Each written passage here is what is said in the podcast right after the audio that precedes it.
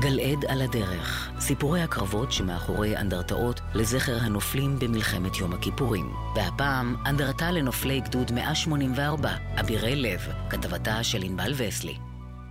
על במה מוגבהת, הנוצרת ממפגש שבילי יער, סמוך למושב תרום, שמצפון לבית שמש, ניצב לוח כהה, שעליו חקוק תיאור תולדות גדוד 184 מחטיבה 14 בחיל השריון, כעדות לגבורתם ולהקרבתם של לוחמיו במערכות ישראל. הלוח קבוע על קיר שצידו השמאלי מתעגל לצורת צריח מבוצר, ולרגליו זחל של טנק וזחל של נגמש, שמהם עולים שלושה תורני דגלים. 80 מתוך 120 חללי הגדוד נפלו במלחמת יום הכיפורים. היה זה גדוד טנקים סדיר. בפרוץ המלחמה הוא הוצב בגזרה המרכזית של הלחימה סביב תעלת סואץ, בגבול מצרים, בין מרכז האי אל-בלח, אי בתעלת סואץ, בצפון, לקו דיווח 269 על ציר לקסיקון, בדרום. יורים עליי, יורים עליי. תבוא. ועם תותח, אני מבקש לא לעבוד. כאן ונס ירות, אתה מקבל ארטילריה, זאת ארטילריה שלנו, עבור. בשלושת ימי המלחמה הראשונים בלם הגדוד את הכוחות המצריים בגזרתו, ובתשעה באוקטובר סייע בחילוץ לוחמי מעוז פורקן. בקרבות קשים אלה ספג הגדוד אבדות רבות, בהן מפקדו, סגן אלוף שאול שלו. הידיעות על החללים הגיעו לאברהם אלמוג, כיום תת-אלוף במילואים, שסיים לפקד על הגדוד כשלושה שבועות לפני כן, ועם פרוץ המלחמה שימש כקצין אג"ם של חיל השריון בבור בקריה בתל אביב.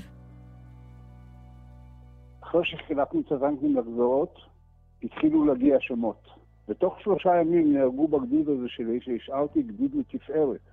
נהרגו 38 חיילים בשלושה ימים, וכשקיבלתי את השמות וראיתי ש-38 חיילים שלי נהרגו, ונהרג גם המג"ד, הודעתי לקצין שלום ראשי, אני חוזר לגדוד. כשהגיע לגזרה, מצא אלמוג טנקים מעטים שנותרו מהגדוד. מורל הלוחמים היה ירוד לאין שיעור. הוא הורה להם להתארגן מחדש, וכעבור יום חזרו לקו הלחימה.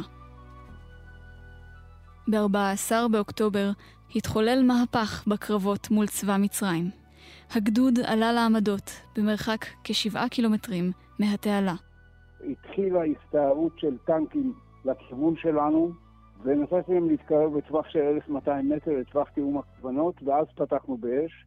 בתוך עשר דקות השמדנו 37 טנקים. המצרים נסעו ונסעו ונסעו ועברו את העמדות שלנו, והיינו צריכים להפנות את הצריכים לאחוריים שלהם ולהמשיך ולהשמיד. באותו יום הרגשתי התרוממות רוח. באותו יום הרגשתי שהפכנו להיות, שחזרנו לעצמנו, שצה"ל חזר לעצמו. בהמשך נשלח גדוד 184 עם כוחות נוספים להשתתף בכיבוש מתחם הרחבה הסינית, במטרה לדחוק את המצרים לאחור ולאפשר לצה"ל לצלוח את התעלה. כשהטנקים של גדוד 184 חצו את הצומת הסמוך למתחם, פתחו המצרים באש. בבת אחת נפגעו 11 טנקים. גם אני נפגעתי, אני חטפתי פגז במפני הגזים, המשכנו לנסוע, אחריי הייתה פלוגה, המ"פ נהרג, הטנק המשיך לנסוע אחריי ועוד טנק אחד שעקף את כל הטנקים שנדפקו, הצטרפו אליי ושלושתנו נסענו ונכנסנו לתוך המרחב של החווה הסינית.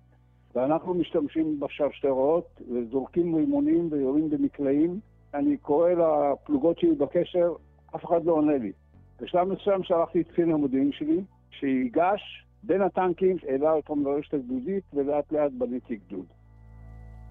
את כינוי המבצע לצליחת התעלה, אבירי לב, אימץ הגדוד, והכינוי מונצח באנדרטה לזכר נופליו.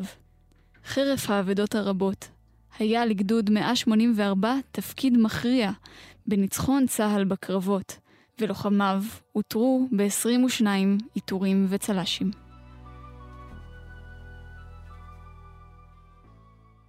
גלעד על הדרך, כתבתה של ענבל וסלי. ייעוץ המחלקה להיסטוריה בצה"ל.